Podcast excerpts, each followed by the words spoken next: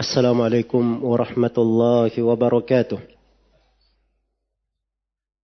إن الحمد لله نحمده ونستعينه ونستغفره ونعوذ بالله من شرور أنفسنا وسيئات أعمالنا. من يهده الله فلا مضل له ومن يضلل فلا هادي له. أشهد أن لا إله إلا الله وحده لا شريك له. وأشهد أن محمدا عبده ورسوله. يا أيها الذين آمنوا اتقوا الله حق تقاته ولا تموتن إلا وأنتم مسلمون. يا أيها الناس اتقوا ربكم الذي خلقكم من نفس واحدة وخلق منها زوجها وبث منهما رجالا كثيرا ونساء. واتقوا الله الذي تساءلون به والأرحام. إن الله كان عليكم رقيبا. يا أيها الذين آمنوا اتقوا الله وقولوا قولا سديدا. يصلح لكم أعمالكم ويغفر لكم ذنوبكم ومن يطع الله ورسوله فقد فاز فوزا عظيما. أما بعد فإن أصدق الحديث كتاب الله وخير الهدي هدي محمد صلى الله عليه وسلم وشر الأمور محدثاتها فإن كل محدثة بدعة وكل بدعة ضلالة وكل ضلالة في النار معاشر المسلمين جمع جمعة رحمني ورحمكم الله telah diriwayatkan oleh Ibnu Majah dan Al-Hakim rahimahumullahu taala dari Abdullah bin Umar radhiyallahu anhuma beliau berkata Rasulullah sallallahu alaihi wasallam bersabda, "Ya ma'syaral muhajirin, khamsun idza batulitum bihinna wa a'udzu billahi an tudrikuhun." Wahai sekalian kaum muhajirin, ada lima perkara. Apabila lima perkara ini menimpa kalian, maka tidak disebutkan oleh Nabi sallallahu alaihi wasallam di dalam hadis ini bagaimana dari siksaan yang akan turun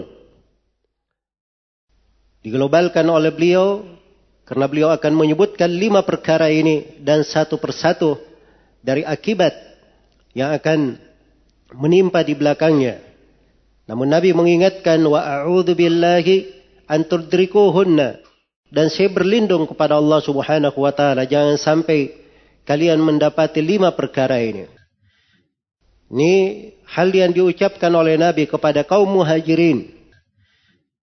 Dari sahabat yang paling tinggi kedudukannya di tengah umat ini. Mereka yang mendampingi Nabi Sallallahu Alaihi Wasallam di kota Mekah berhijrah bersama beliau di dalam meninggikan agama ini. Pembicaraan ditujukan kepada mereka. Dan ini peringatan kepada siapa saja yang kedudukannya di bawah mereka. Ada lima perkara. Apabila lima perkara ini menimpa kalian. Dan saya berlindung kepada Allah subhanahu wa ta'ala. Jangan sampai kalian tertimpa oleh lima perkara ini. Yang pertama kata Nabi. Lam tadharil fahishatu fi qawmin qad. Hatta yu'linu biha. Illa fashafihim ta'unu. Wal awja'u allati lam takun madat. Fi aslafihim alladhina madaw. Tidaklah tampak kekejian di tengah suatu kaum hingga mereka terang-terangan di dalam melakukannya kecuali akan tersebar di tengah mereka penyakit taun dan penyakit-penyakit yang tidak pernah ada pada pendahulu-pendahulu mereka sebelumnya. Maka ini perkara yang pertama yang diingatkan oleh Nabi Sallallahu Alaihi Wasallam. Apabila umat ini tertimpa dengannya, maka akan turun di tengah mereka, tersebar di tengah mereka dari penyakit-penyakit, kengerian-kengerian yang tidak terjadi pada umat-umat yang telah lalu. Lam tadharil fahishatu, tidaklah tampak dari al-fahisyah. Al-fahisyah adalah segala bentuk kekejian. Dan ini diibaratkan di dalam Al-Quranul Karim untuk beberapa dosa besar. Di antaranya adalah perbuatan zina. Allah Subhanahu wa taala berfirman, "Wala taqrabuz zina innahu kana fahishatan wa sa'a sabila. Janganlah kalian mendekati zina. Sesungguhnya zina itu adalah sebuah kekejian dan jalan yang sangat buruk. Demikian pula diibaratkan terhadap orang yang menikahi istri ayahnya. Allah berfirman, "Innahu kana fahishatan wa maqatan wa sa'a sabila." Sesungguhnya itu adalah sebuah kekejian, hal yang mendatangkan kemurkaan Allah, sangat dibenci oleh Allah. Dan itu adalah jalan yang sangat jelek. Dan di antaranya juga al-fahisha ini dibahasakan untuk perbuatan kaum Nabi Lut yang mereka mendatangi sesamanya. Laki-laki mendatangi laki-laki. Allah Subhanahu wa taala berfirman, "Walutan id qala liqaumihi atatuna al-fahishata ma sabaqakum biha min ahadin minal alamin. Innakum lata'tuna ar-rijala syahwatan min dunin nisa, bal antum musrifun." Dan ketika kami mengutus Nabi Lut kepada kaumnya, lalu dia berkata, Apakah kalian ini mendatangi sebuah kekejian, sebuah fahisha yang tidak pernah kalian didahului dari makhluk di alam semesta ini? Kalian mendatangi laki-laki dengan penuh syahwat, bukan mendatangi perempuan. Sungguh kalian adalah kaum yang sangat melampaui batas. Dan beberapa penggunaan fahisha yang lainnya. Dan ini tiga contoh dari fahisha di dalam Al-Quran adalah hal yang jelas keharamannya. Perkara yang diterangkan tentang bahaya dan musibahnya yang akan menimpa umat apabila itu terjadi di tengah umat Islam ini. Zina adalah hal yang membawa kebinasaan di tengah umat ini. Karena itu telah diriwayatkan oleh Imam Ahmad dari Abdullah bin Mas'ud radhiyallahu taala anhu. Rasulullah sallallahu alaihi wasallam bersabda, "Ma dhahara fi qaumin ar-riba wal fahisha illa ahallu bi anfusihim iqab Allah." Tidaklah tampak pada suatu kaum dari perbuatan riba dan zina kecuali mereka telah menghalalkan siksaan Allah Subhanahu wa taala terhadap diri-diri mereka sendiri. Dan lebih keji daripada itu, kelainan di dalam pembawaan mendatangi sesama jenis yang sekarang ini sedang didukung oleh sejumlah manusia yang tidak berakal. Para perusak yang ingin mendatangkan dari bencana dan petaka di tengah manusia. Sehingga mereka mendekatkan kepada manusia bagaimana dibolehkannya dan bagaimana harusnya kita memaklumi dari apa yang mereka istilahkan sebagai LGBT. Dan ini adalah hal yang mungkar yang harus diingatkan. Karena perbuatan yang seperti itu, perbuatan yang dilakukan oleh kaum Nabi Lot, itu lebih diharamkan di dalam syariat Islam. Melebihi zina menurut kesepakatan ulama. Bahkan tidak ada silam pendapat di kalangan para sahabat. Bahwa yang melakukannya hukumannya adalah dihukum mati secara hukum pengadilan. Hanya saja mereka berbeda pendapat di dalam bagaimana cara menjatuhkan hukumannya. Ada yang mengatakan dia dibakar hidup-hidup sampai dia mati. Dan ada yang mengatakan bahwa pelakunya dilempar dari tempat yang tinggi dan dihujani dengan batu. Dan ini semua adalah kesepakatan di tengah para sahabat akan hukuman untuk dibunuh terhadap siapa yang melakukannya. Karena Nabi Shallallahu Alaihi Wasallam telah bersabda, di dalam Musnad Imam Ahmad dan di dalam Sunan Ibnu Majah dari Ibnu Abbas radhiyallahu anhuma Rasulullah sallallahu alaihi wasallam bersabda Man wajadtum ya'mala amala qaumi Lut faqatulul fa'ila maf'ul wal bih Siapa yang kalian dapati dia melakukan amalan perbuatan kaumnya Nabi Lut maka bunuhlah orang yang melakukannya dan bunuhlah orang yang dilakukan terhadapnya orang yang dilakukan terhadapnya. Jadi pelaku maupun yang dilakukan terhadapnya semuanya hukumnya sama di dalam hadis ini. Dan Rasulullah sallallahu alaihi wasallam di dalam sebuah hadis yang sahih pernah melaknat mereka tiga kali La'anallahu man amila amala qaumi Lut. La'anallahu man amila amala qaumi Lut. La'anallahu man amila amala qaumi Lut. Allah melaknat orang-orang yang melakukan amalan kaum Nabi Lut. Allah melaknat orang-orang yang melakukan amalan kaum Nabi Lut. Allah melaknat orang-orang yang melakukan amalan kaum Nabi Lut.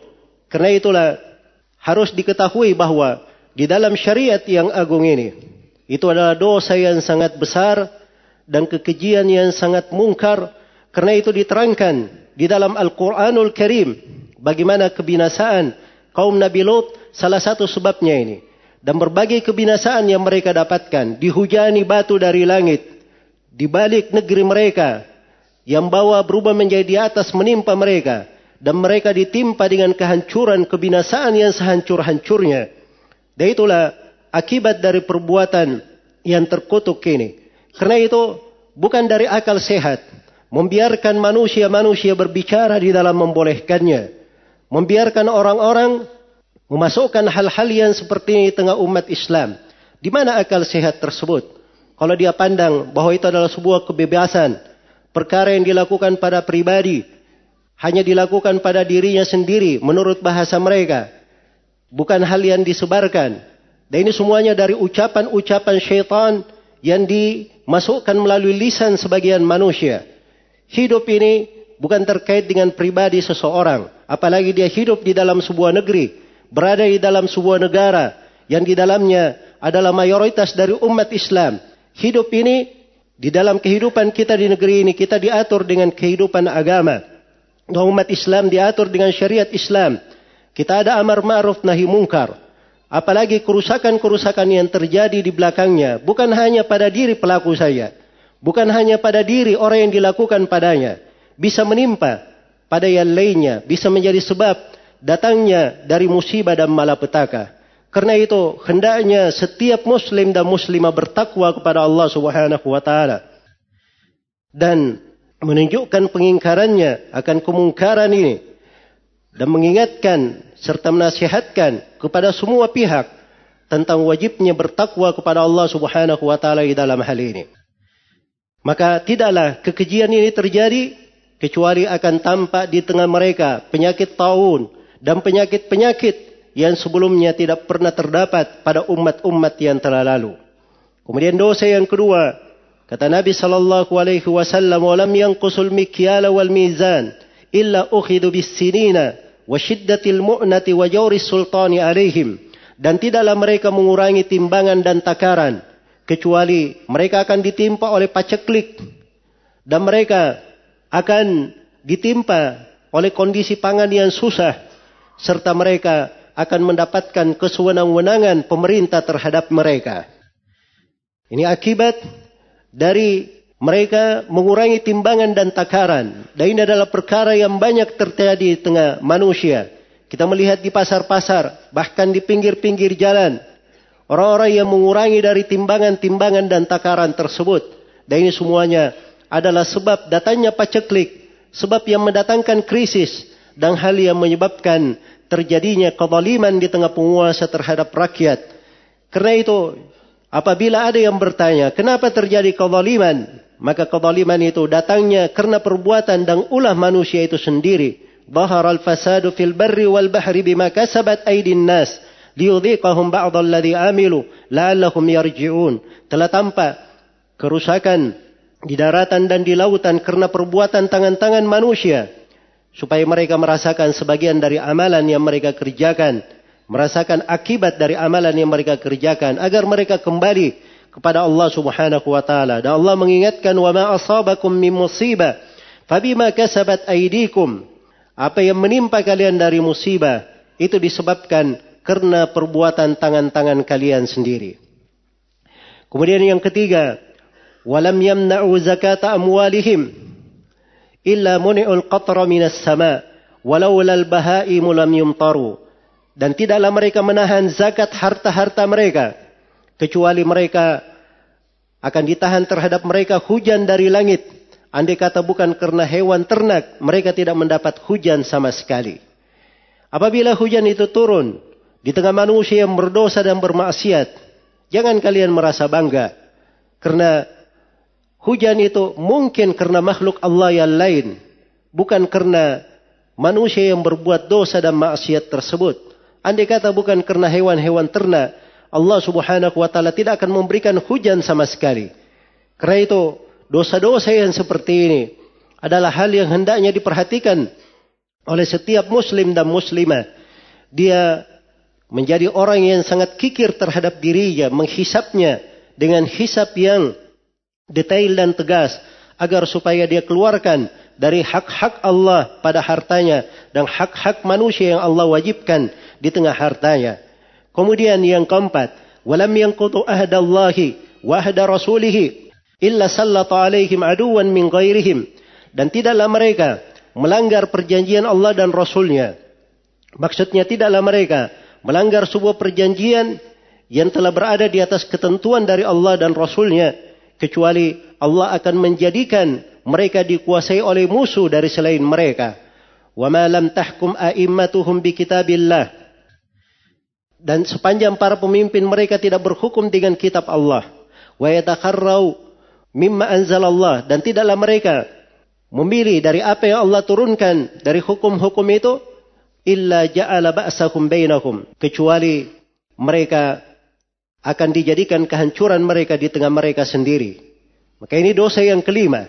Apabila di tengah manusia, apabila pemerintahnya tidak berhukum dengan kitab Allah Subhanahu wa taala, maka akan dijadikan kebinasaan di tengah umat itu antara mereka sendiri. Maka ini dosa-dosa diingatkan oleh Rasulullah sallallahu alaihi wasallam yang merupakan sebab kehancuran dan sebab kebinasaan agar supaya kita mewaspadainya dan menjauhkan diri kita semua dari dosa-dosa yang membahayakan ini. A'udzu billahi minasyaitonir rajim. In tajtanibu kaba'ira ma tunhauna an nukaffir ankum sayyi'atikum wa nudkhilkum mudkhalan karima. Apabila kalian meninggalkan dari dosa-dosa besar yang kalian dilarang darinya, maka kami akan gugurkan dari kesalahan-kesalahan kalian, kemudian kami akan memasukkan kalian ke dalam tempat yang mulia yaitu ke dalam sorga. Barakallahu li wa lakum fil Qur'anil azim wa nafa'ani wa iyyakum bima fihi minal ayati wa dzikril hakim wa taqabbalallahu minni wa minkum tilawatahu innahu huwas samiul alim. Alhamdulillah ala ihsani والشكر له على توفيقه وامتنانه أشهد أن لا إله إلا الله وحده لا شريك له وأشهد أن محمدا عبده ورسوله الداعي إلى رضوانه صلى الله عليه وعلى آله وأصحابه وإخوانه أما بعد kaum muslimin jemaah Jumat rahimani wa rahimakumullah. Rahmatilah diri-diri kalian sendiri dengan menjalankan apa yang Allah perintah dan meninggalkan apa yang dilarang. Man amila salihan fali nafsihi wa man asaa fa 'alaiha wa ma rabbuka bidhallamin lil 'abid. Barang siapa yang beramal salih maka untuk dirinya sendiri. Dan barang siapa yang berbuat kejelekan dia sendiri akan menanggungnya. Dan Allah tidak pernah mendolimi seorang hamba pun. Rahmatilah negeri ini. Dengan keimanan dan ketakwaan. Itulah sebab kemakmurannya. Walau anna ahlal qura amanu wattaqau lafatahna alaihim barakatim minas sama'i wal ard.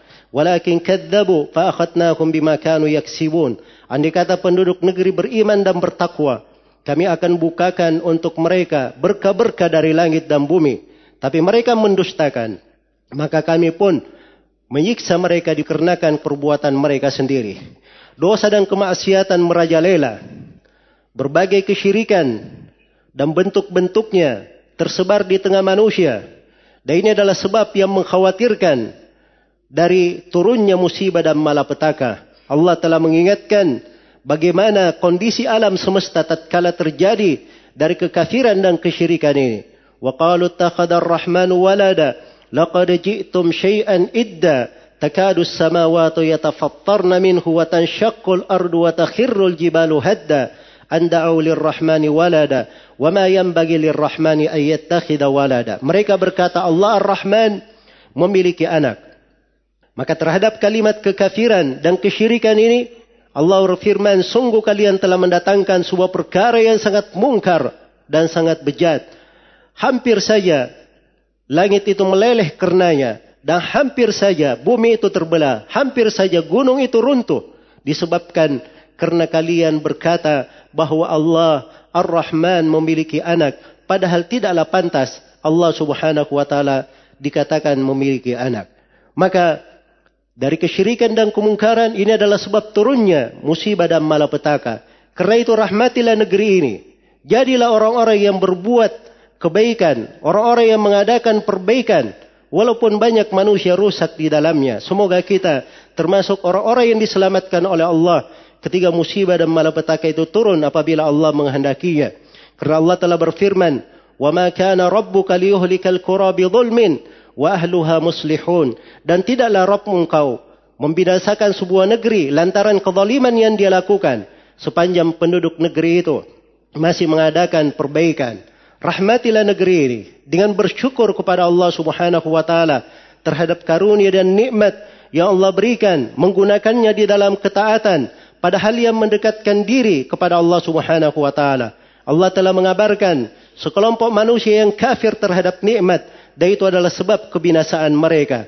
Wa daraballahu mathalan qaryatan kanat aminatan mutma'innatan ta'tiha rizquha ragadan min kulli makan fakafarat bi an'umillah fa'adaqaha Allah libasal ju'i wal khawfi bima kanu yasna'un. Dan Allah telah membuat perumpamaan sebuah negeri Negeri ini tadinya aman sentosa, rezekinya datang dari berbagai penjuru, dari berbagai tempat. Namun mereka kafir terhadap nikmat-nikmat Allah maka kami pun membuat mereka merasakan pakaian kelaparan dan ketakutan dibaratkan pakaian karena dekatnya dari ketakutan dan kelaparan itu. Bagaimana hal tersebut selalu menyertai mereka dan bersama mereka. Semua hal itu disebabkan karena perbuatan mereka sendiri. Allah subhanahu wa ta'ala telah membinasakan banyak dari manusia karena kezaliman yang mereka lakukan. Wa qura ahlaknahum lamma zalamu wa ja'alna limahlikihim mau'ida. Itulah negeri-negeri yang kami binasakan mereka karena kezaliman yang mereka kerjakan dan kami jadikan kebinasaan mereka sebuah ketentuan yang telah dipastikan. Dan rahmatilah negeri ini. Jangan berbuat dosa dan maksiat di dalamnya. Karena itulah yang membinasakan umat-umat sebelum kita yang lebih hebat dan lebih dijayakan oleh Allah Subhanahu wa taala sebelumnya. Alam yarau kam ahlakna min qablihim min qarnin makkanna lakum fil ardi ma lam numakkin lakum wa arsalna as-samaa 'alaihim midarara wa ja'alna al-anhara tajri min tahtihim fa ahlaknakum bidhunubihim. Tidakkah mereka melihat bagaimana betapa banyak sebelum mereka dari generasi dari umat-umat yang kami berikan kedudukan apa yang tidak kami berikan kepada kalian. Kami turunkan hujan untuk mereka berlimpah luas dari langit dan kami alirkan dari bawah mereka sungai-sungai. Namun kami binasakan mereka disebabkan karena dosa-dosa mereka. Dan tahukah kita semua bahwa sebab kehancuran di tengah umat itu adalah menyelisihi para rasulnya, menyelisihi dari agama yang dibawa oleh para rasul tersebut. Allah berfirman tentang kaum Nabi Hud, "Wa tilka adun jahadu bi ayati rabbihim wa asaw rusula wattabau amra kulli jabbarin anid wa utbi'u fi hadhihi dunya la'natan wa yawmal qiyamah ala bu'dan li adi qaumin hud Itulah kaum Ad yang mereka ini menentang ayat-ayat Allah, durhaka kepada para rasulnya dan dia mengikuti perkara setiap orang yang bersombong lagi keras kepala. Kami laknat mereka di kehidupan dunia dan diikuti dengan laknat di akhirat. Itulah kaum Nabi Hud. Iya, bagaimana mereka dibinasakan? Sungguh sangat jauh kaum Nabi Hud tersebut. Karena itulah ini semuanya adalah peringatan-peringatan terhadap kita semua. Siapa yang merahmati dirinya, yang merahmati keluarganya, dan merahmati masyarakat serta negerinya, maka hendaknya dia bertakwa kepada Allah Subhanahu wa taala, menjauhi dari dosa-dosa dan maksiat ini, menegakkan dari amar ma'ruf nahi mungkar, menjelaskannya kepada manusia, mengajak orang kepada kebaikan dan melarang dari kemungkaran. Apabila kita membiarkan kemungkaran terjadi, maka itu adalah sebab yang menyebabkan turunnya musibah dan malapetaka kebinasaan Bani Israel. Karena hal tersebut lu'ina alladhina kafaru min Bani Israel ala lisani Dawud wa Isa bin Maryam. Dalika bima asaw wa kanu ya'tadun. Kanu la yatanahawna an munkarin fa'alu. Labisa ma kanu yaf'alun. Telah nilaknat orang-orang kafir dari Bani Israel, laknatnya melalui lisan Nabi Isa dan Nabi Daud. Hal tersebut karena mereka bermaksiat dan mereka melampaui batas mereka tidak saling melarang dari kemungkaran yang mereka lakukan, maka sungguh sangat buruk apa yang mereka kerjakan tersebut. Dan Rasulullah sallallahu alaihi wasallam bersabda, "Ma min qaumin yu'malu baina dhahraynayhim bil ma'asi wa hum qadiruna ala yughayyiruha thumma lam yughayyiruha illa yushaku ay ya'ummahumullahu bi'iqabin min." Tidak ada satu kaum pun yang dilakukan di tengah mereka dari maksiat-maksiat sedangkan mereka mampu merubahnya tapi mereka tidak merubahnya. Kecuali kalau Allah menurunkan musibah maka musibah itu akan menimpa mereka semua. Dan ingatlah selalu musibah itu turun karena dosa dan diangkat karena istighfar. Inna Allah la yughayyiru ma biqaumin hatta yughayyiru ma bi anfusihim. Sesungguhnya Allah tidak akan merubah kebaikan yang terjadi di tengah kaum sampai mereka sendiri yang merubahnya dengan perbuatan mereka, dengan dosa dan maksiat dan dengan pelanggaran terhadap ketentuan-ketentuan Allah Subhanahu wa taala dan rasulnya. Semoga Allah Subhanahu wa taala menjauhkan kita semua dari segala musibah dan malapetaka dan menjadikan kita semua sebagai hamba-hambanya yang selalu bertakwa kepadanya, selalu mengadakan perbaikan di tengah negerinya, menjadi sebab keberkahan di tengah manusia, orang yang mengajak manusia kepada kebaikan dan menahan kemungkaran di tengah mereka dan semoga Allah Subhanahu wa taala memberi petunjuk kepada seluruh kaum muslimin, pemerintah maupun rakyat agar supaya beramal dengan kitab Allah Subhanahu wa taala dan beramal dengan perintah-perintah Allah Subhanahu wa taala dan rasulnya dan menjauhi dari segala sebab kebinasaan dan kehancuran. Innahu waliyu dzalika wal qadiru alaihi. Thumma i'lamu rahimakumullah. إن الله أمركم بأمر بدأ به بنفسه وثنى بملائكة المسبحة بقدسه فقال جل من قائل إن الله وملائكته يصلون على النبي. يا أيها الذين آمنوا صلوا عليه وسلموا تسليما. اللهم صل وسلم على نبيك ورسولك محمد. وارض اللهم عن خلفائه الراشدين أبي بكر وعمر وعثمان وآلي وعن الصحابة أجمعين. وأن معكم بفضلك وجودك وإحسانك. يا أرحم الراحمين. يا أكرم الأكرمين. اللهم أعز الإسلام والمسلمين. وأذل الشرك والمشركين. ودمر أعداءك أعداء الدين من المرتدين ومن شايعكم من المنافقين والمفسدين. يا قوي يا عزيز اللهم اغفر للمسلمين والمسلمات والمؤمنين والمؤمنات الأحياء منهم والأموات. إنك سميع قريب مجيب الدعوات. ويا قاضي الحاجات ربنا ظلمنا أنفسنا وإن لم تغفر لنا وترحمنا لنكونن من الخاسرين. ربنا اغفر لنا ولإخواننا الذين سبقونا بالإيمان ولا تجعل في قلوبنا غلا للذين آمنوا. ربنا إنك رؤوف رحيم. ربنا آتنا في الدنيا حسنة وفي الآخرة حسنة وقنا عذاب النار. عباد الله إن الله يأمر بالعدل والإحسان وإيتاء ذي القربى وينهى عن الفحشاء والمنكر والبغي يعظكم لعلكم تذكرون. فاذكروا الله العظيم الجليل يذكركم واشكروه على نعمه يزيدكم ولذكر الله أكبر والله يعلم ما تصنعون.